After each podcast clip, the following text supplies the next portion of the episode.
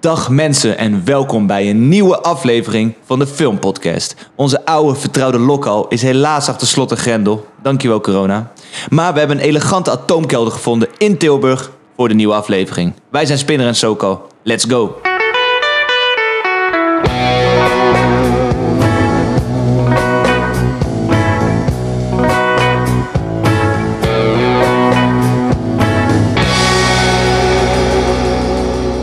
Tegenover mij zit Sven Sokal. En tegenover mij zit Yannick Joel Spinner met een prachtige marineblauwe wollen trui aan. Dankjewel Sven. Jij bent aanwezig, knul.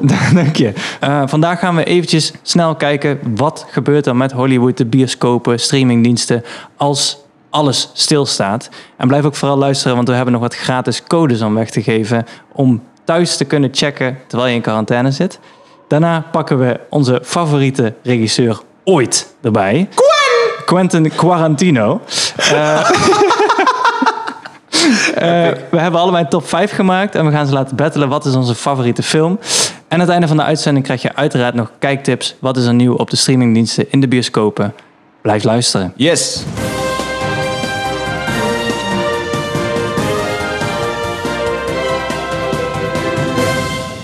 Hey, maar Yannick, Hey. als uh, trotse cinefiel Ja. en bezitter van onder andere Pathépas. Hoe vul jij jouw cine leegte nu? Want ja, met door het coronavirus eh, kan je eigenlijk nergens heen. Ja. Dus de enige optie is om het- op het beeldbuis te kijken. Yep. Of, of een ander schermpje thuis. Een ander schermpje. Eh, je hebt mensen die vastlopen natuurlijk. Ja, Ho- Hollywood staat stil. En dat is, dat is heel erg duidelijk. Eh, we hebben het bijvoorbeeld een tijdje terug over James Bond gehad. En over de aankomende No Time to Die. Dit was een van de eerste films uit Hollywood die uitgesteld werd vanwege het coronavirus. Mhm. Dus hij zou in eerste instantie begin april uitkomen. Is nou verplaatst naar eind november. Ja, ik heb daar dus eh, gemengde gevoelens over. Want die film is natuurlijk al gemaakt. En mocht het coronavirus eh, ja, snel weg zijn geweest... of gedacht van, eh fuck it, ik kom een andere keer terug... dan was hij al lang uitgekomen. Ja. Dus het is eigenlijk wel gewoon een kapitalistisch idee van... ik, we moeten zoveel mogelijk geld ophalen, dus nu kan dat niet. Dus we gaan hem, laten, we gaan hem uitstellen. Ja, ik heb dat ook wel een beetje. Maar goed, eh, aan de andere kant kan je ook zeggen... eh, ze zorgen ervoor dat niet iedereen naar de bioscoop gaat. Ja, Wat een gezondheids. ja maar drop, hem- drop hem dan op streamingsdiensten. Ja, dan verdienen ze geen geld. Nee, je hebt Ja. gelijk. Ja, je hebt gelijk. Er, zijn een, er zijn een boel films die in de komende paar maanden uit zouden komen. Waaronder Black Widow, New Mutants, Quiet Place 2, eh, Mulan van Disney. Die zijn allemaal uitgesteld. Mooi. Ja, hoezo? Met deze mooi. Mensen vinden het tof. Ja, Mulan, fantastisch. Ik kan niet wachten. Eh, maar Nee. er zijn ook wel positieve effecten te vinden. Want naast het feit dat er ontzettend veel uitgesteld is, zijn er ook een aantal films eh, vervroegd uitgekomen op streamingdiensten of in ieder geval gepland. Yes. Eh, waaronder Birds of Prey. Ja. al even over gehad. Ik ben zo ontzettend blij hiermee. Ik hoop dat het sarcasme door de mic heen komt. Nee, dat, dat, daar zitten we misschien niet te wachten. Oh, jij, Gentleman, bent, jij, jij bent de brenger van goed nieuws aan het begin van deze podcast. Gentleman komt eerder uit. Oh. Frozen 2. Yes, Frozen 2. Ja, Sven, niet iedereen vindt dezelfde shit als jij leuk, hè? Oké, nogmaals, sarcasme komt hopelijk door de mic heen. Eh, Just Mercy komt eerder uit. Invisible Man. The Invisible Man Back. ook? Oh, yes. Invisible Man. Hey, misschien zit hij wel aan tafel hier.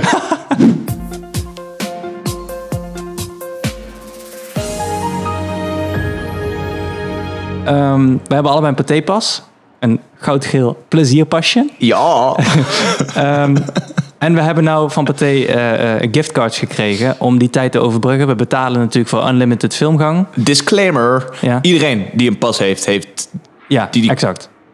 actie gekregen, Ja, toch? ja, ja, ja. belangrijk om te zeggen. Eh, zodat we even lekker op Pathé thuis in dit geval films kunnen kijken, omdat we niet naar de bioscoop mogen. En zijn het dan recente films of zijn dat oude films? Of hoe Een- werkt dat precies? Een eh, interessante melange van de twee. Ah. Eh, eh, op Pathé thuis komen meestal films die net nog in de bioscoop draaien of er net uit zijn. Parasite is een goed voorbeeld, staat er nou op. Ja. Iedereen checken, by the way. En als je onze Parasite-aflevering niet gecheckt hebt, luister die ook alsjeblieft.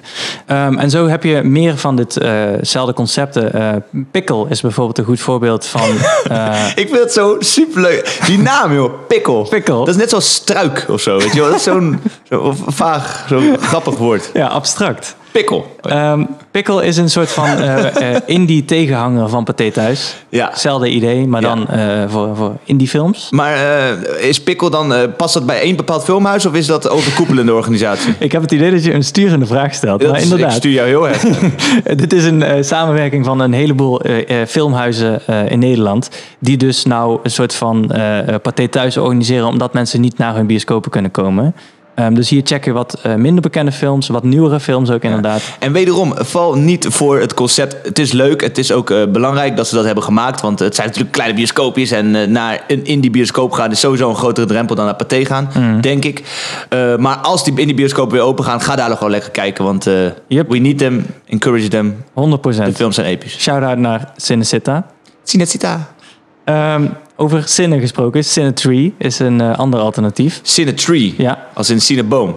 ja Als inderdaad. in filmboom. Filmboom. Hetzelfde principe. Ja. We hebben daar straks ook nog een kleine tip voor jullie voor. We hebben nummertjes waar je mee filmpjes kan kijken. Ja, want eh, dit is dus een, eh, een, een goed voorbeeld van hoe organisaties, bedrijven eh, van de chaos een beetje orde proberen te scheppen. Door mensen een plezier te doen. Weet je wel, Eh, we zitten allemaal thuis, we hebben het allemaal Ja. in meerdere of mindere mate lastig. En laat je voeden met kunst. Ja, consumeer kunst.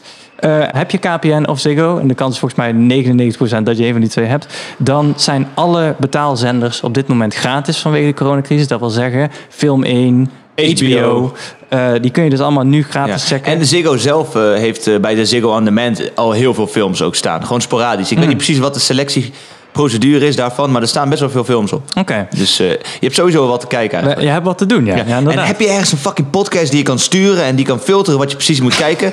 ja, ik weet niet. Check Spotify, check de filmpodcast. Misschien eh, vind je daar iets tussen. Goed idee. Ja. And I will strike down upon thee with great vengeance and furious anger those who attempt to poison and destroy my brothers. And you will know my name is the Lord when I lay my vengeance upon. Wij mensen moeten thuis zitten, hè? Ja. En dan moet je, wat, wat ga je kijken, wat ga je kijken, wat ga je kijken? Dus ik denk dat dit het perfecte moment is om even een woeste rewatch te gooien op alle Tarantino klassiekers. Ja. Een, een, een, een luisteraar van ons stelde dat toevallig voor en die inspireerde mij. Laten we een top 5 maken. Oké. En eh, ik hoop dat onze top 5 allebei anders zijn. En ik weet dat Angelo een onorthodoxe top 5 heeft, dus ik ben benieuwd hoe dat inspeelt op onze keuzes. Oké, goed. Dus eh, omdat jij er zo ongelooflijk goed uitziet. dat marineblauwe past bij een marineblauwe bril. Haar, de knotjes perfect. Mag jij het spits afbijten? Oké. Eh, ik bij heb- vijf, bij Ik vijf. heb op nummer 5 Django staan. Django Unchained. Dat is eh, interessant. waarom, waarom zo laag? Waarom zo laag? Eh, eh, als ik dat moet uitleggen, dan moeten we eigenlijk bovenaan beginnen om te zeggen... Weet je wat het is? Oké, dit is een... het, ik dacht in eerste instantie, dat is echt een, een flutvraag. Maar nu realiseer ik me... eigenlijk alle films van Tarantino zijn het waard om in de top 5 te komen. Die man heeft geen slechte film gemaakt. Behalve Death Proof. Ehm, en weet je wat het is? Het is gewoon je favoriete kind kiezen. Right? Ja. Je houdt er allemaal van, ze. Ik, ik, ik wil het anders beschrijven. Ik wil het beschrijven van... eh, stel dat ik over, over 20 jaar moet kiezen... welke van mijn eh, intelligente, capabele kinderen... dit hele podcast-imperium moet overnemen. Dan is dat gewoon niet te doen. Ja. Ja, dan Ja. ga je een lijstje maken. Ja. Dan, eh, dan moet helaas Django... Ik neem aan dat er één Django heet. Die moet dan op vijf staan. Nou, ik heb, ik heb hem dus niet op 5 staan. Ik heb op 5 staan... Once Upon a Time in Hollywood. Ja. Laten we gelijk de battle starten. Oké, weet je, het is met Django en waarom die bij mij zo hoog staat. Eh, het is natuurlijk de eerste film in een western jasje van Tarantino. Maar Mhm. naast al zijn Tarantiniaanse suave, dat overal in zit, strakke dialogen, geweld, eh sikke karakters. Ja, Eh, Leo een. Een ongekende Leo DiCaprio. De muziek is Ja. blowing my fucking mind. ja. Is, pakt hij ook maatschappelijke dingen aan? Rassen, rassen. kwestie. Rassen, alles. En dat is zo diep. Het gaat zo diep. Ja. En voor alle eh, keren dat hij het N-woord gebruikt in zijn films... heeft hij eindelijk een historische context gevonden, Ja. gevonden om dat te doen. Ja, tot Dus, nu toe eh, deed hij het al eh, ruimschoots. Maar inderdaad, voor deze ene keer had hij een Ja. reden om het te Ja, doen. en die film is gewoon een theme park ride, man. Hij neemt je overal mee, overal mee in die tijd. Het, het, het- die film zit vol met disgusting things. Ja. Vol met on your face racism was fucking evil. Ja. En daarnaast heeft, weet hij nog die charme te brengen van zijn eh, pop culture eh, references en alles, alles, alles in die mengelmoes. Ja. Ik moet toegeven, die film meandert nogal. Hij heeft, ja, soms, soms, soms raakt hij zijn draad kwijt. Zoals ik al eerder heb gezegd, is Tarantino doet bijna alles goed voor mij. Maar als hij een Achilleshiel heeft, dan is dat pacing. Ja. En dat is duidelijk in deze film te zien. Sommige scènes duren gewoon te lang. En meer- meerdere eindes heb jij ook ooit als kritiek. meerdere eindes- En dat zit ook in Django. Ja, en dat vind ik, dat vind ik echt niet chill. Ja. Echt niet chill. Ja, dat is een. eh, maar nogmaals, we hebben het hier over een van de beste regisseurs van pick zijn your- generatie. Pick your poison. Dat terzijde nee, is- niet Picture Poison. Ja, oké. Er, is, er zijn twee poisonous dingen en die moet je allebei pikken. Maar voor de rest daarnaast is het gewoon briljant. Alles Heerlijk. wat ertussen gebeurt is briljant. Ja, ja dat, is, dat is wel waar. Je hebt Ja. wel gelijk. Ja. Django.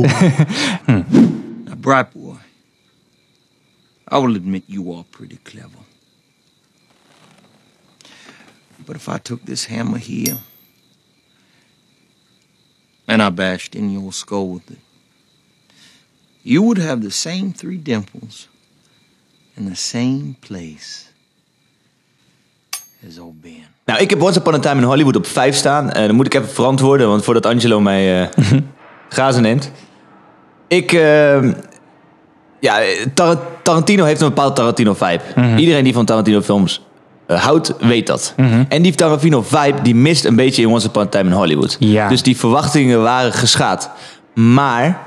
Als je kijkt naar wat Once Upon a Time in Hollywood moet zijn... en dat is voor hem een liefdesbrief aan die Hollywood van de jaren wat, 50, 60, 70, 60, 70 Ja. Dan komt dat tot zijn recht. Want die film is gewoon een sfeerspons. Ja. Ik bedoel, hij gebruikt al zijn ervaring en al zijn vakmanschap om een prachtige film neer te zetten. En die vibes die komen overal, die druppen overal uit. Eh, van auto's tot aan het magische decor, tot aan eh, autoradio's, tot aan kleding, tot aan hoe er wordt gepraat, hoe er wordt bewogen. Feestjes, alles is Hollywood. En Ja. alles is toen. En dat is zo ongelooflijk goed eruit gekomen. En dat is de reden waarom die op 5 staat bij mij. En niet lager.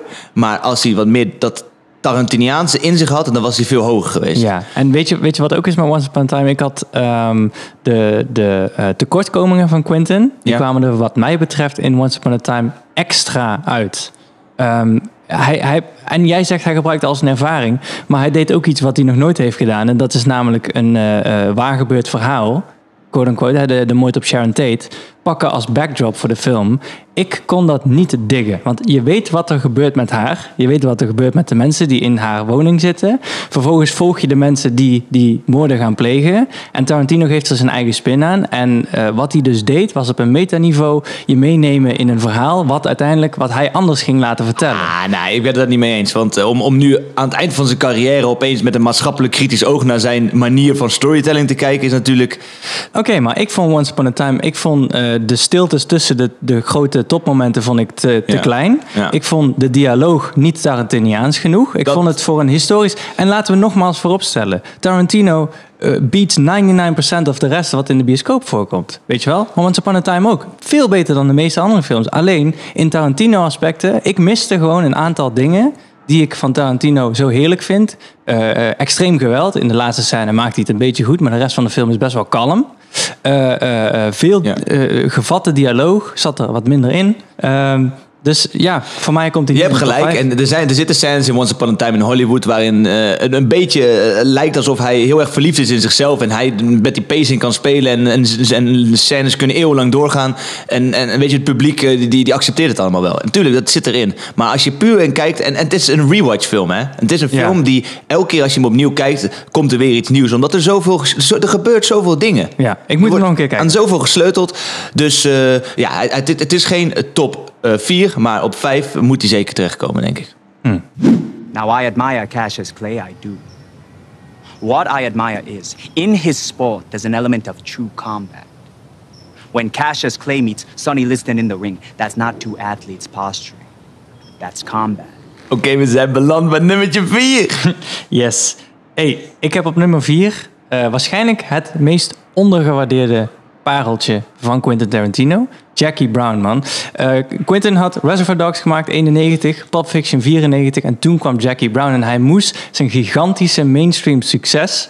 eh, ja, moest hij, moest hij, moest hij, hij moest het weer waarmaken, Ja. weet je wel? Eh, dat was onmogelijk, een onmogelijke taak. Immense druk. Ja, want eh, Pulp Fiction is nog steeds, gaat cinema history en als een van de beste films. Zal je waarschijnlijk ook straks in onze top 5 tegenkomen. Ongeëvenaard. Ja. Hoe spannend is het nu wat 1 is bij ons?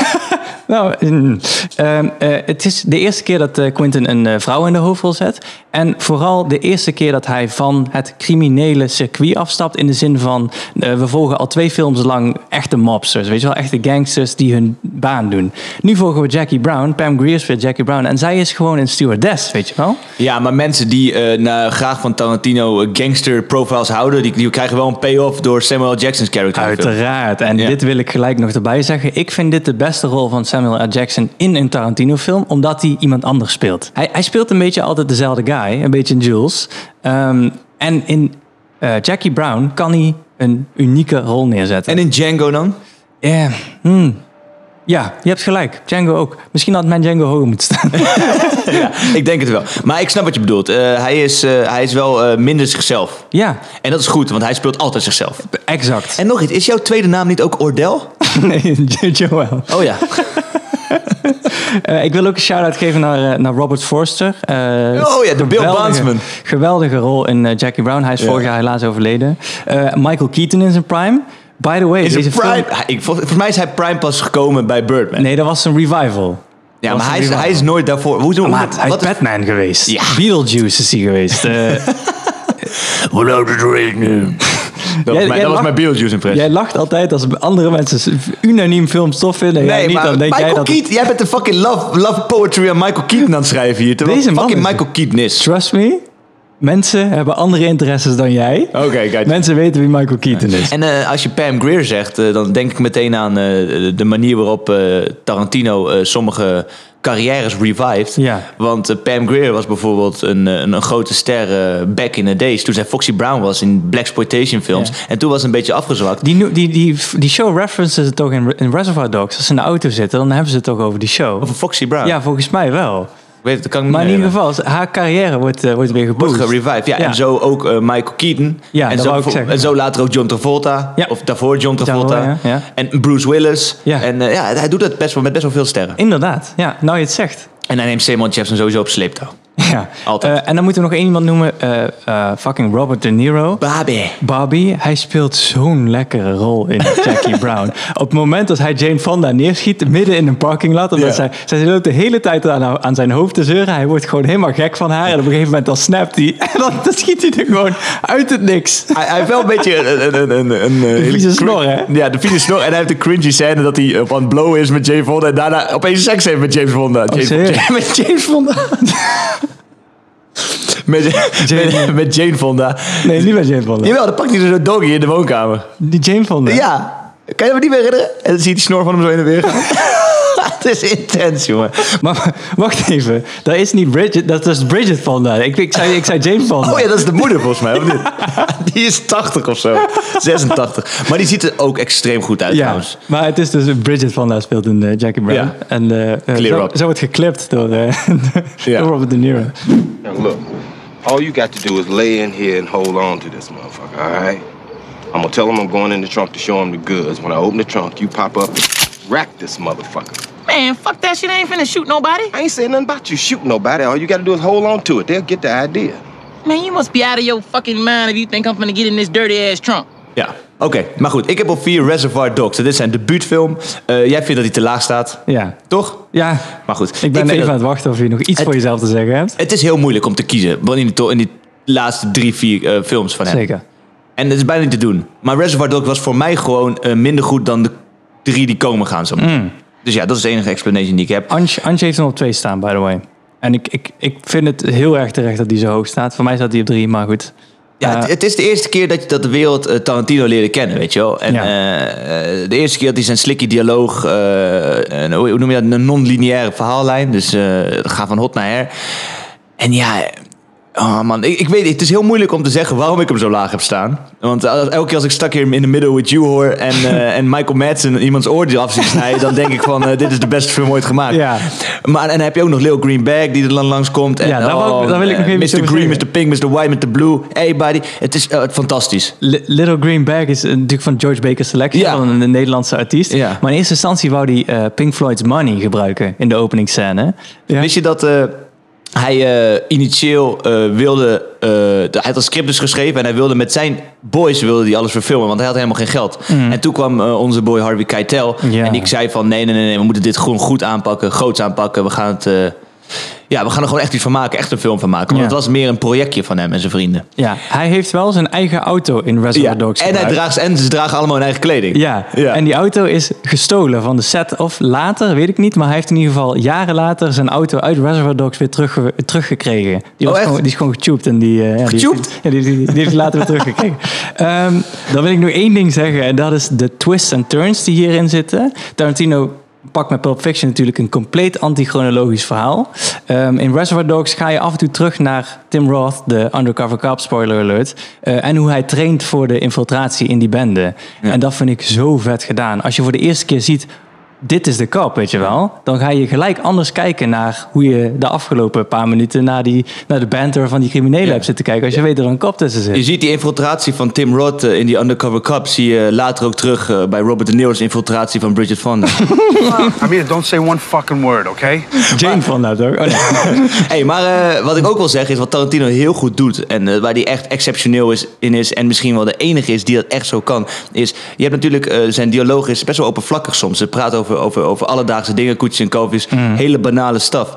Ehm, maar in die banale, door die banale staf leer je wel meteen die acht karakters... die daar spelen, leer je gewoon kennen. Absoluut, Op ja. een of andere manier schijnen al die persoonlijkheden zo door... Ja. dat je zo... eh ja, je wordt- raakt ineens geïnformeerd. En daardoor is dat verhaal zoveel leuker. Ja, want, En- en- want- maar hoe, hoe je die dat doet, dat is gewoon magisch. ja, in ieder geval onervaren schrijvers zien misschien eh, dialoog als een manier Ja. om het verhaal uit te leggen. Maar wat Tarantino zo goed doet, is character laten doorschemeren in de gewoonheid van een situatie. Ja, en oh man, dat. En, en dat wordt. Dat, het rare is dat dat wordt gezien als onorthodoxe scriptschrijven. Precies, dat is mijn punt. Waarom is dat zo? Iedereen Ja. moet het doen. Ongekend. Ik wil meer gesprekken over cheese, cheeseburgers hebben. Ja, ik ook. Let me tell you what Like a Virgin's about. It's all about a girl who digs a guy with a big dick. The entire song. It's a metaphor for big dicks. No, it ain't. It's about a girl who's very vulnerable. She's been fucked over a few times, and uh, then she meets a guy Whoa, whoa, whoa, whoa, whoa, whoa. Time out, Green Bay. Tell that fucking bullshit to the tourists. Toby, who the fuck is Toby? Like a Virgin's not about some sensitive girl who meets a nice fella. That's what True Blue's about. No, granted, no argument about that. What's True Blue? Oh, you ain't heard True Blue. It's a big ass infrared. I don't even follow that top to the pop shit, and even I've heard of True Blue. Yeah, so I didn't say ain't heard of it. You know, what I asked is how's it go? Excuse me for not being the world's biggest Madonna fan. Nummer 13. Zie. We hebben twee films op nummer drie staan die we allebei al besproken hebben. Jij hebt Django op nummer drie staan. Klopt. Ehm, en ik heb Reservoir Dogs op nummer drie staan. Maar wat heeft onze producer Angelo op drie staan? Die heeft Kill Bill. En dan hebben we het dus over allebei de Kill Bills Ja. op nummer drie staan. Want Want die jij, komt eh, bij ons niet in de top, drie, eh, top 5 voor. Nee, eh, het, het is weer. eh, ja. Kill Your Darlings. Is Ja. beter, dat is niet, het is niet te doen om dat allemaal erin te Als ik I één. Oh man, ik ben helemaal spoor. Hij krijgt een paniek aan, jongens. Nee, ik, maar- ik snap het. Eh, jij had een feitje time over Kill Bill en waarom het eh, één film is, of twee, waarom het twee films zijn geworden. Nou, het is geen feitentime, maar eh, eh, ehm, ze waren gewoon te lang. Hij, had gewoon, hij kon niet kiezen. Oké, wat staat er voor in het segment? nee, maar laten we even over Kill Bill hebben. Want Tuurlijk. wa- waarom staat hij bij mij niet in top 5? Eh, bij jou, sorry. Ja. Eh, waarom die bij mij er niet in staat? Omdat ehm, ehm, hij was iets te artsy-fartsy voor mij. De Archie Fartsy. Voor Tarantino begrippen. Want als je, als je terugdenkt, eh, jouw monoloog over waarom Once Upon a Time zo goed is, is eigenlijk ook een reden waarom Kill Bill zo goed is. Ja. Namelijk, het is een love letter, Ja. in dit geval aan Asian cinema. Ja, dat altijd in zijn hart heeft gestaan. Ja, en het inspiratiebron voor hem is. Ja. Ehm, voor, voor mij, ik vind het naar mijn smaak iets over de top. En dat is nog steeds zeggende dat ik een gigantisch fan ben van Kill Mm. Dat Bill. valt ook onder mijn benoeming artsy-fartsy. Ook over de top valt er ook in. Oké, ja, Zo ik beter moeten uitleggen. Maar ja. Maar ja, maar dat past zo goed in die film. 100%. Snap je? Ja, ja, ja absoluut. Want er, er is een theorie dat er twee universa zijn die Quentin ge- ge- gecreëerd heeft. Namelijk het Realer Than Real universum, dus de, de echte wereld. En de filmwereld binnen die echte wereld die hij heeft gecreëerd. En dus... Tarantino, eh, liefhebbers weten het natuurlijk al. Maar de mensen die het niet weten, eh, is misschien wel bijzonder om te zien dat inderdaad Kill Bill... Het, is, het hoort niet echt te zijn. In die zin zijn het, het zijn films waar de karakters uit Pulp Fiction naar kijken. Ja. In hun vrije tijd, weet je wel. Dus dat, is Eh, dan, dat is dan Kill Bill, dat is Django Unchained, dat is Inglourious Basterds nee, en nee, Dead Proof. Django Unchained is echt. Kill Bill en Death Proof zijn inderdaad eh, eh, eh, de buitenbeentjes. Dat zijn de films. En, eh, en dan ook From Dust Till Dawn. Dat is ook Oh, en From. Dusk Till Dawn, ja. Ja, ja, ja. Ja. Oké, you. Oké, cool. Maar eh, verder Kill Bill, ja, weet je, Uma Thurman, fucking badass, Killer. dat ding. Ehm, de muziek is amazing. Hoe, hoe- hoe die dat, dat, inderdaad, die, die vechtscène met dat die opeens naar zwart-wit ging. Ja. Eh, en het decor eh, en hoe het verteld is. Ja. En de voeten van Uma Thurman. Voeten, er zitten heel veel voeten in. Heel Dit is eh, ja, waarom de meeste mensen erover eens zijn. Tarantino heeft een flinke voetfetish en dat laat hij wel zien. Hey, ik ga die film nog een keer kijken binnenkort, Kill Bill, man. Ik heb die heel lang niet gezien en Mm. eh, ik heb er zin in. Ja, heerlijke love letter. Jij draagt er ook wel zo'n eh, zo'n geel pakje, net zoals Uma Thurman draagt. Eh, daar wil ik nog wel even over hebben. Want eh, nou, je zegt geel pakje. Dit is natuurlijk een inspiratie, geïnspireerd door Bruce Lee's pak in Enter the Dragon, denk ik. Enter the Dragon! Daar, komt gewoon, daar is gewoon die, dat pak uit gelift. En dat- Ja. oh, Nogmaals een love letter naar Asian cinema. Maar vervolgens portretteert hij Bruce Lee als een bombastische, arrogante Chinese vechtkunstenaar. En ik weet gewoon, Joe Rogan is bijvoorbeeld een groot liefhebber van die guy. En ik had vroeger ook een eh, poster van eh, eh, Bruce Lee op mijn kamer hangen. Disrespectful wordt het gezien. Ja, wordt, je, hebt, je hebt mensen in de martial arts wereld die expres niet naar Once Upon a Time in Hollywood gaan, Ja. omdat Bruce Lee zo wordt geportretteerd. En ik snap het, want eh, de functie in Once Upon a Time, ik weet dat we teruggaan, maar de functie van Bruce Lee in die film is om te laten zien hoe badass Brad Pitt is. Ja, right? ja, exact. Hier heb je de grootste vechtlegende ooit Ja. en Brad Pitt gooit hem, gooit hem gewoon fucking door een autodeur heen. Ja. Ik ga dan weer terug naar eh, neem alles met de korrel zout wat hij, eh, wat hij maakt. La- laat je gewoon, het is een film.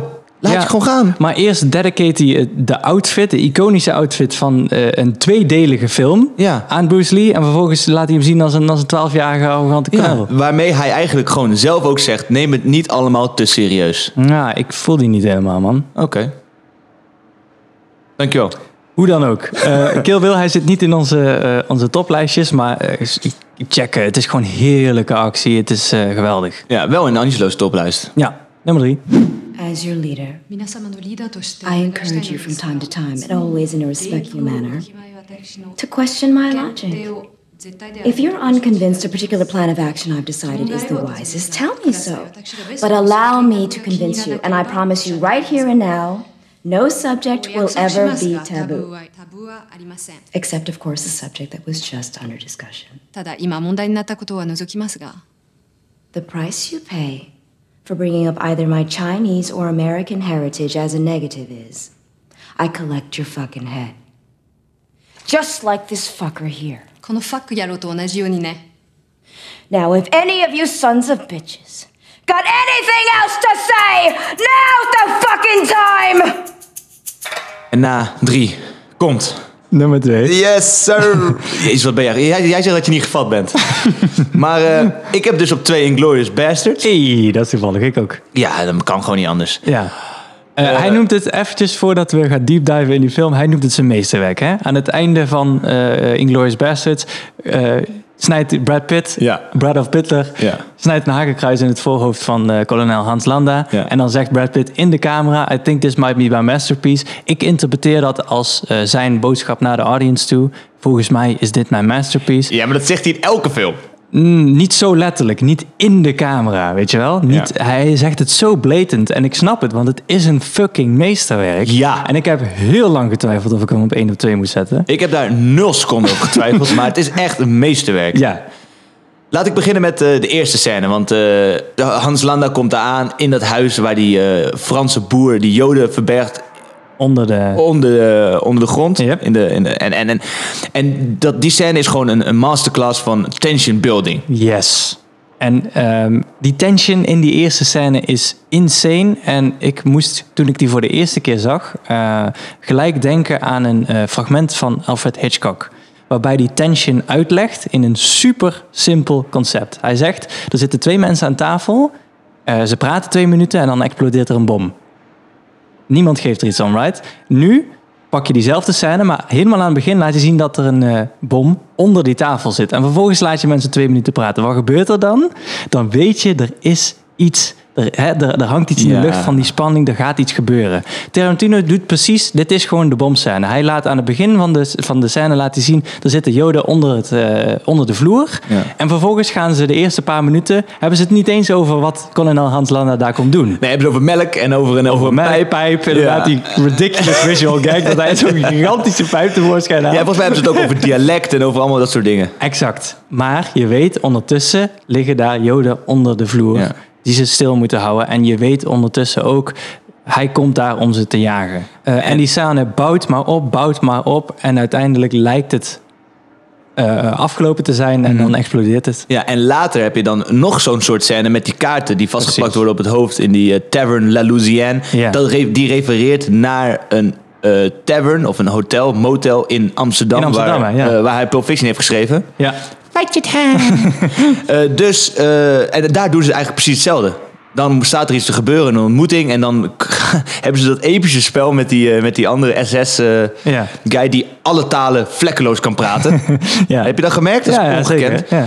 Eh, en, maar daar doet hij het ook. En, en die film zit boordevol met dat soort gesprekken, met dat soort momenten, met dat soort va- gevatte dingen. En amazing. Ja. Ehm, die film, eh, nogmaals, ik heb lang zitten twijfelen of ik hem niet op één moest zetten. Omdat Nee, het- nee, nee, nee, nee.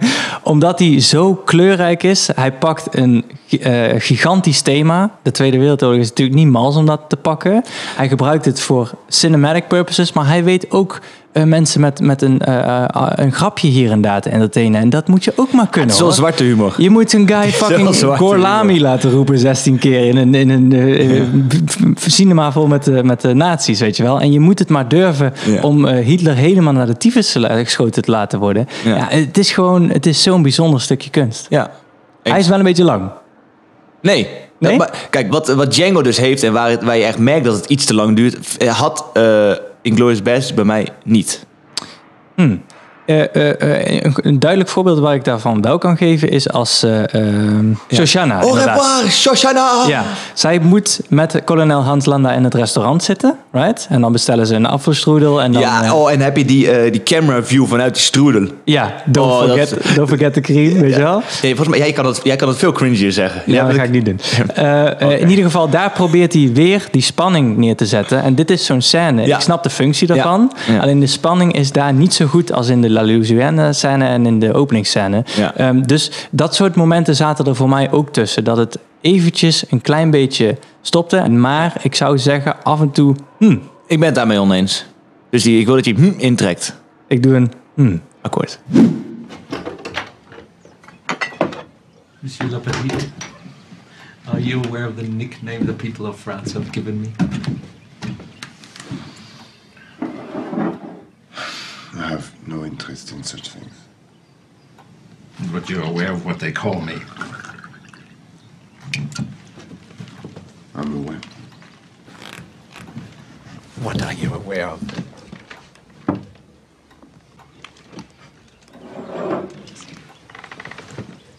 That they call you the Durant.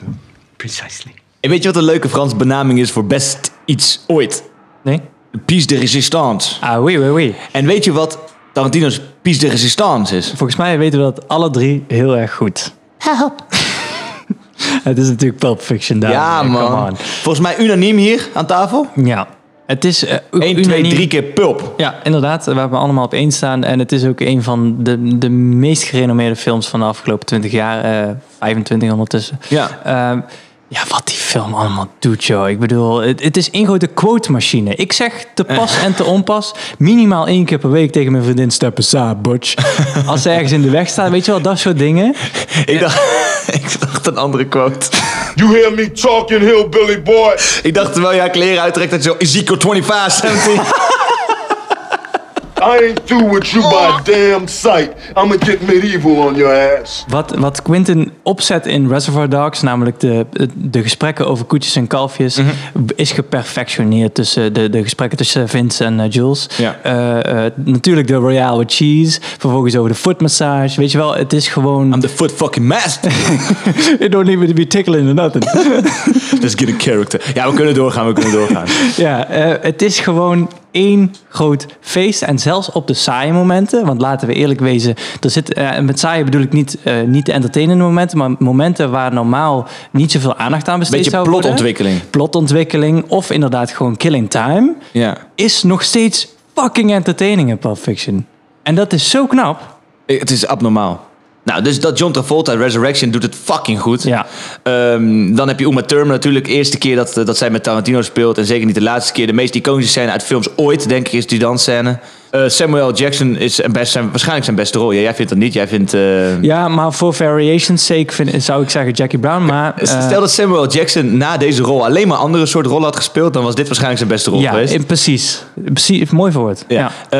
Dan heb je natuurlijk Bruce Willis, Bruce Willis wiens en- carrière ook geresurrect is. Nou ja, geresurrect. Ik zou bijna willen zeggen gemaakt door Pulp Fiction. Want ik Is, kan... is Die Hard 1 ervoor of na Pulp Fiction? Nee, dat is wel ervoor, denk ik. Wel ja, daarvoor? Ja, ja, ja. Ja, dus dat is een ander soort rol voor hem. Ja, geen, geen dramatische rol en geen eh, eh, memorable rol in de zin van hij speelt een geweldig karakter. Het is gewoon een goede film, Die Hard. En motherfucking, eh, could you please with sugar on top clean the fucking car? Harvey Keitel. Ja, man. Oh man, wat hij speelt. The Wolf. The Wolf. Ja. Zieke rol. Ja, Zieke, insane. zieke, zieke, zieke rol. ik vind het zo leuk als hij... eh, hij zegt dan allemaal die dingen tegen hun... en dan moeten ze die auto schoonmaken... omdat Marvin dus zijn kop is geschoten. Overal liggen breinen. Overal liggen breinen. Overal ligt zijn brein. Ja. Ehm, en vervolgens maken ze die auto schoon. En is... eh, John Travolta is fucking enthousiast. Oh my god, can't believe it's the same car. En dan zegt hij... Let's not just suck each other's dicks quite yet. Ook dit is weer zo'n quote machine. Want eh, ik, vind het, ik vind het zo grappig als hij aan de telefoon zegt... I'll be there in 10. En vervolgens zie je 7 minutes later op, eh, op, eh, op beeld staan. En dan heeft hij dus zo hard gereden. Dat hij dan, maar goed, Ja, en maar hij zegt ook... It's a 20 minute drive. I'll be there in 10. Oh ja, ja dan staat er volgens mij 7 minutes later op beeld. Ja, ja. Maar om terug te komen op die, op die part van de film, met die scène. op een gegeven moment komen ze dus aan met die Marvin zonder hoofd. Komen ze dus aan bij Tarantino's place, want hij speelt zelf die Jimmy. Ja, hij speelt Jimmy, ja. Dat ja. is een, een eh, cameo van, hem, van hemzelf. Ja, kon ik, dit was een leuke rol van hem. En, en, en daar eh, wordt op een gegeven moment, zegt hij dan tegen, als blanke zegt hij dan tegen Samuel Jackson, does uh, my house have a sign in the front yard that says N-word storage? Ja. That N-word storage. Ja, man. En schijnbaar was daar fucking veel kritiek gekomen, precies over die lijn, hè? Snap ik, snap en, ik. en Samuel Jackson verdedigt toen Tarantino meteen van, ja, weet je, het is, hij is een kunstenaar en, en het past gewoon in die tijd en ze zijn vrienden van elkaar en hij is boos, bla bla. Dus er is heel veel commotie ook rond die film ontstaan, omdat het het eerste van zijn kind was. En toen besloot, toen kwam, werd echt duidelijk dat Tarantino met die dingen gooit alsof Ja. het niks is. Alsof en terwijl tegen, tegenwoordig moet je overal voor oppassen. Ja. En toen kon je daarmee gooien alsof het niks was. Ja, eh, heel risky om de schrijver, regisseur en acteur Quentin Tarantino het te laten zeggen. Want daar, daar kom je wel in een soort van gebied. Ik bedoel, het is 100% zijn verantwoordelijkheid, right? Ja. Als het voor jou geschreven wordt, dan zeg je ja, het is mijn character. Maar hij schrijft het zelf. Ja, daarom. hij kiest het zelf ervoor. Dus Ja. ik, eh, eh, Het is eh, 100% bewust. Ja, risky. Ja, maar over het algemeen eh, Pulp Fiction een pareltje. 100%. Onze favoriete Quentin Tarantino film ooit. Het is, het is mijn favoriete film ooit. Ja, oh, sowieso ook top 3, maar ik durf niet te committen. Oké, ja, maar dan heb je, heb je wel eens meer vaker. That was fucking trippy. ik wil nog één ding zeggen, Sven. Ja, zeg. We hadden het daar straks over tension in Inglourious Bastards. En dit is op de meest Hitchcockian manier weergegeven, right? Een bam under the table en laat de, laat de scène vooral om niks gaan... terwijl jij weet er gaat iets, iets naars gebeuren. I remember. Eh, maar de tension in de scène dat Mia Wallace OD't... per ongeluk snuift ze heroïne... En op dat moment, voor mij is dat de meest tense scène, want zij ligt daar te OD'en, ze is aan het schuimbekken, er komt bloed overal en eh, overal, uit alle gaten komt allerlei viezigheid. We a marker, fucking magic marker. En hij, die, die drugdealer is een boek aan het zoeken, is een medical boek. Hij loopt tegen zijn vrouw in de andere kamer. black medical book. It's somewhere in the, in the fridge, weet Ja. je wel. Het is complete chaos. En dat vond ik zo, want toen, op dat moment kiest Quentin Tarantino ervoor om weg te gaan uit de woonkamer en dus die guy te volgen in zijn Ja, zoektocht ja, naar ja, die ja. fucking... En vervolgens komt hij dus met het, met het ding aanzetten. En je hoort John Travolta schreeuwen. Precies, je hoort geschreeuw. Ja. Er ligt nog iemand op de bank, die is gewoon aan het trippen. Die, die, die geeft er allemaal niks om. Wow, what's going on over here? Weet je wat een fucking vet stuk is? Dan eh, heeft hij uiteindelijk die naald, is alles klaar. En dan moeten ze gaan steken. Ja. En dan zegt die gast, oké, je moet daar zo steken. En dan doet hij hij drie drie keer keer. voor. En dan zegt John Travolta, I gotta stab it three times. Geweldig.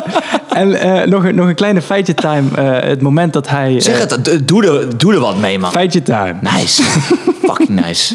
Ehm, het moment dat Vincent Vega die naald in Uma Thurman's eh, borst steekt, Ja. eh, is natuurlijk niet echt, want dan was ze dood geweest. Eh, die scène is achterstevoren opgenomen en daarna, of tenminste achterstevoren afgespeeld. Dus hij trekt een naald uit haar chest. Echt? Ja, en die Wow, reverse die, zodat het lijkt alsof hij hem erin steekt. Dat is Heel slim. gedaan. En vervolgens komt zij bij en dan zegt John Travolta tegen haar, say something, en zegt ze something. Ja. Zelfs in die meest tense momenten weet Quentin nog gevat. een, nog een joke Jij zou dat ook doen.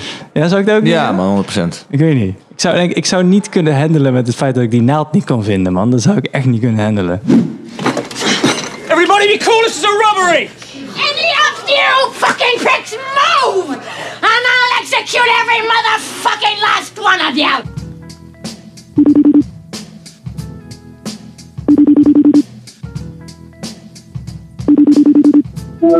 Yo! Yo, kerel.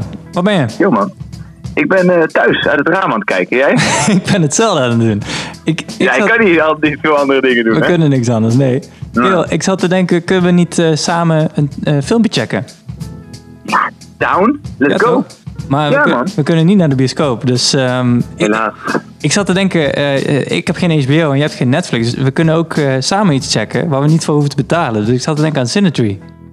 Ja, dat wilde ik nog checken, man. Symmetry. Dat... Ik, ik, hoorde, ik hoorde dat, je, dat zij een, een, in een nobele waas eh, al hun materiaal gratis weggeven. Gratis en voor niks, omdat we allemaal thuis zitten. Dus we kunnen samen een filmpje kijken zonder samen te zijn. Eh, wat, wat jij moet doen, is eh, je gaat naar cinetree.nl slash samen thuis. Ja? Ah, Tik je- hij tik het in? Ja, ja. Ja, ik ben dat intikken. Oké, en dan moet je de code samen thuis knallen. Samen thuis. Hey, welke gaan Yes. we checken? Ben je erin? Ja, even kijken, even kijken. Kijken. Ja, Jackie. Ik moet Jackie nog Zullen we kijken. Jackie maar- checken? Ja, man. Oké. Oké, doei.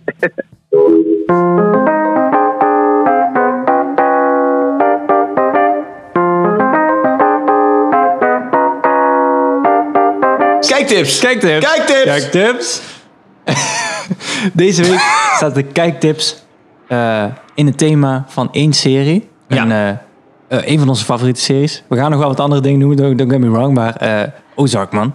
Hij Oh, je hebt het eraan. over Ozark? Ja, ja. Fucking vet. Hij komt eraan. Eh, 27 maart komt hij naar Netflix. En, eh, Seizoen 3. Seizoen 3, inderdaad. Dus als je nu in quarantaine begint met kijken, dan is een goede kans dat je hem dan af hebt. Ja. Ehm, want, Ozarks, vertel even waar die ongeveer over gaat. Oké, dus in Ozark volgen wij Jason Bateman. Die speelt eh, Martin Bird. Mhm. En hij eh, trekt de stoute schoenen aan, want eh, hij speelt een financiële adviseur die zijn gezin van Chicago naar de Ozarks sleurt. Moet, moet sleuren. Moet sleuren om daar het geld van een kartelbos wit te wassen. En het is Ja. een episch verhaal. Het is, eh, de opzet is heel erg vet. En Ja. Het is een soort van eh, spirituele opvolger van Breaking Bad, laten we eerlijk wezen. Wat, zoals we de vorige Ja. keer weer hebben besproken, weer een opvolger is, of een, geïnspireerd door de Sopranos. Het is namelijk een, een anti-held guy. We hebben het hier over een, een beetje een eh, ongemakkelijke, whimsy ja, accountant. Het is gewoon echt een accountant. Maar vervolgens moet hij hele heftige dingen doen, namelijk geld witwassen. En dat doet hij inderdaad in de Ozarks. Ja. Eh, en eh, we exploreren weer hoe zo'n anti-held moeilijke keuzes moet maken en dat dat effect heeft op zijn gezin weer. Want het is weer een hè, mix van crime en family drama. Ja, nou, ik moet iets zeggen over Jason Bateman, want hij is... eh, dit is zijn, zoals we al zeiden, piece de resistance. Oei, zijn, oei. be- zijn beste werk ooit. Want eh, hij is, eh, speelt altijd in van die ja, comedies, oppervlakkige comedies. En daar Mhm. speelt hij altijd de guy die... eh, dan de losgeslagen guy in die comedies wat minder los moet laten slaan. Ja, ja. Ik Weet je wat jij bedoelt. doet bij deze podcast? Hij is de voice of reason. Ja. En hij heeft een beetje die smoothness die hij dan gebruikt, heeft hij meegenomen naar deze film. Mm, deze serie. serie. Alleen dan eh, is hij dan ook een beetje een bad guy erbij. Ja. En dat, dat, dat matcht heel erg goed, vind ik. Ja, helemaal. Ik vind het een toffe rol van hem, want eh, ik ken hem uit eh, Arrested Development. Ja, dat is zijn begin. En daar is hij ook de straight man, zoals ze dat noemen in comedy. Hij, hij Ja. zegt allemaal idiote dingen. Hij heeft zijn kind George Michael genoemd. Ja, En die- ja, ja, daar ja, ja. niet van in, weet je wel.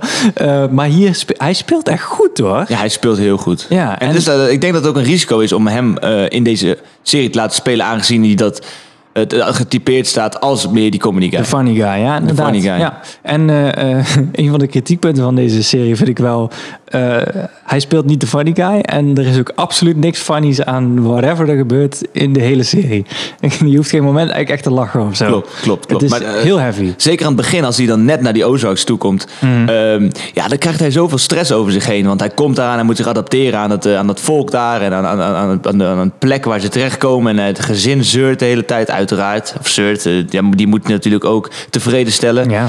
En, en, ja, en hoe hij acteert, al die stress acteert. En hoe hij acteert om in zo'n positie te, te, staan, is eh petje af, Jason. Mhm. Ehm, ik, ik vind eh, de- een van de sterkste punten van Ozark eh, is toevallig ook een van de sterkste punten van The Dark Knight. En dat is namelijk dat de anti... eh, of ik moet zeggen, de, de antagonist, dat woord zocht ik. Dus de bad guy in Ja, de story. ja. Eh, die dwingen de held namelijk om moeilijke keuzes te maken. Eh, en daarom is Dark Knight zo ontzettend goed, is omdat Heath Ledger dus een geweldige Joker speelt. In Ozark zijn dat in eerste instantie de Ruths, de, de hillbilly-familie, Ja, weet je wel? die, de lokale drugshandelaars. Voornamelijk Julia Garner. Zij speelt... eh, Met die mooie neus.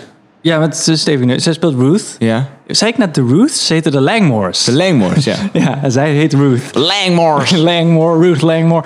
Eh, zij is, zij is zo'n bijzonder karakter. Want zij zit dus in de, de criminele circuit. Ja. Maar ze heeft een goed hartje. En dan speelt zij ontzettend goed, vind ik. Klopt. Klopt. Eh, wat ik, wat ik het voornaamste, de voornaamste reden voor het succes van Ozark vind, zijn de Ozarks zelf. Want het is natuurlijk een, mm, ja, wat is het? Swamp City, het is Louisiana. Maar Hmm. die meren, die zijn zelf uitgegraven, trouwens, volgens mij rond 1927, uit mijn hoofd. maar eh, ja, die zorgen dus voor een beeldig decor. Ja. Het ziet er fucking mooi uit. En rijke Amerikanen, die gaan er altijd heen om een beetje voor de July te, ja, vakantie, voor de July te vieren. eh, lekker eh, op speedbootjes rondracen. Want ja, er wordt natuurlijk niet veel gecontroleerd. En, eh, en dan gewoon zuipen en vuurwerk kijken. Maar eh, het is natuurlijk heel Billy Capital daar. Ja. En er wonen overal van die caravan...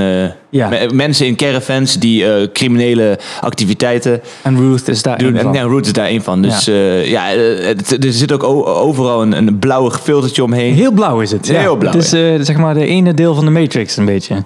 Is die blauw? Ja, die is super blauw. Ja, dan en is, andere dan, is groen. dan, dan is het echt het ene deel van de Matrix een Ja, beetje. ja, absoluut. De Matrix-fans weten waar ik het over heb. Eh, en ik wil nog wel even een shout-out geven naar... eh, eh, even kijken, hoe heet hij? Eh, Peter Mullen. Dat is een schot. En die speelt de... Snel. Snel. Die heeft de beste stem ooit. I know! Ja. En hij is dus een schot, hè? En hij doet zo'n goed Amerikaans accent. Ja.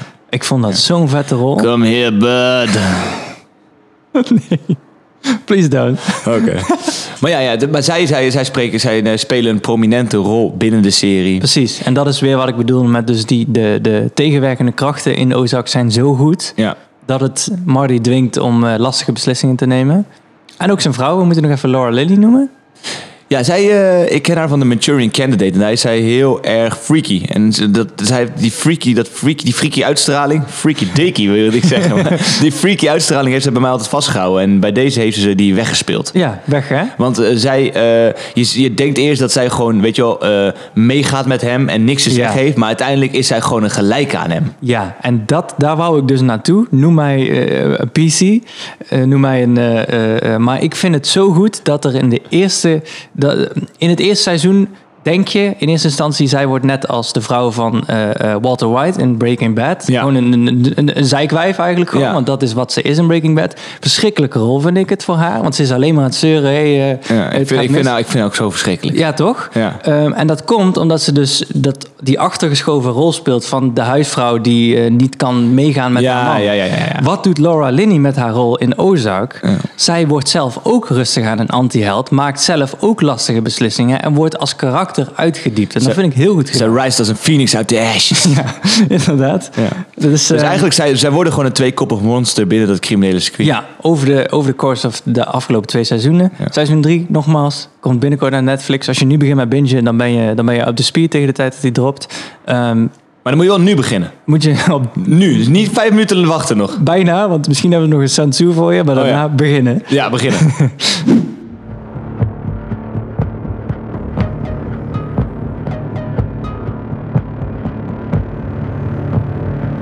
Akkoord. Dus er is volgens mij een manier om alsnog nieuwe films te checken. Ja, Wat Ga, we, ga jij dat aan de luisteraar mededelen? dat wil ik wel doen. Want wat we zeiden, eh, sommige films, de release is eh, eh, opgeschoven naar later. Maar sommige worden ook nu al uitgebracht op streamingdiensten.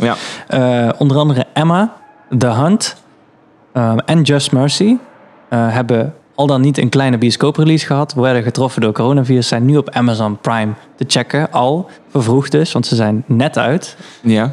Eh, en dan The Way Back nog. Ja, dat van is Ben eh, Affleck. mijn boy Ben Affleck. Die speelt een. Ja, hij was, eh, toen hij jong was in de film, was hij een basketbalfenomeen. Toen he- heeft hij op een of andere manier heeft de liefde voor het spel kwijtgeraakt. Is hij volgens mij in de goot beland? Ja, ik weet niet in de goot. Hij heeft in ieder geval een ander leven gekregen. Ja. Een tegenvallend leven. Later komt hij terug bij de school waar hij vroeger heeft gebasketbald. En dan neemt hij het team over. En dan ontstaat er een prachtige love story. maar het lijkt dus een beetje op, eh, op zijn echte leven. Want hij is ook de draad kwijtgeraakt de laatste tijd. eh, is eh, uitgekomen dat hij alcoholic was. Heeft Jennifer Garner kwijtgeraakt waarmee hij getrouwd was en kinderen Mm. heeft. En hij zei dat is de grootste spijt dat hij ooit heeft gemaakt. Mm. Dus ja, dus, je hebt heel veel resemblances. Een beetje parallel met, eh, met Michael Keaton, die eh, in Birdman een acteur speelt die in de revival van zijn carrière zit nadat hij een superheld heeft gespeeld, wat ook letterlijk zijn eh, carrière was. Hij speelt namelijk Batman. En Ben Affleck ook. En Ja. Ben Affleck is een lousy ass Batman. Ja, weet je wat sick is aan Ben Affleck's Batman? Is dat iedereen die kin herkent. ja, klopt. Dus hoe kan je in godsnaam zo heel pak aan doen? Dat kost waarschijnlijk triljoen euro. En dan heb je alleen die kin die iedereen herkent. En dan is het alweer... Hij heeft een hele goede kin. Nutteloze, ja. En hij is ook fucking jacked in die film. Maar eh, dit, deze film is op jouw lijf geschreven, hè? Want eh, Ja, ik, ik hou heel erg van sportfilms. En Co- Coach Carter, eh The Blind Side. Het is allemaal een beetje dat sport, dat sportdrama. En, eh, en als het werkt, dan werkt het ook echt. Dus ik hoop dat eh, dit werkt. Oud. De rest ons nu om nog te zeggen waarom jij, Yannick, outro spinner heet. Beste outro's in de business. Nou, eh, Begin maar. Je bent real met je complimentjes. Ik denk een beetje overrated. Eh, wij gaan eh, Ja, natuurlijk gewoon Jackie kijken. Dus niet Jackie Brown, maar Jackie. Ja. Met Natalie Portman. Ehm, en die staat op Sinistry. En dan gaan we ook Pickle be- bekijken. Pickle. Daar staat namelijk Portrait of a Lady on Fire op. Op. Op. Ja, en dat eh, is een hele intrigerende film. Want eh, in de wandel- wandelgangen gaan de geruchten dat het misschien wel de beste film ooit gemaakt is. Ja. Dus eh, Ik ga ja. daar dan automatisch al extreem sceptisch Ja, klopt. in. Maar, I we- wanna know what the fuss is about. Ja. En het zijn allemaal films met sterke vrouwelijke rollen. Ja. Dus ja, zin in. Ja, absoluut. Ik Ja. ook. Dan heb ik nog eh, mijn boy Sun gesproken. Ik mag onderhand Sun zeggen, omdat ik hem zo vaak heb gementiond. en eh, die heeft iets gezegd over Cinetree. Die heeft me net gebeld tijdens de pauze. En hij zei... when you do the right thing for the right reason, the right result awaits. En ik Hmm. geloof echt dat dat het gevolg gaat zijn van deze marvelous actie van hun. Blijf veilig. En tot volgende week. Yes!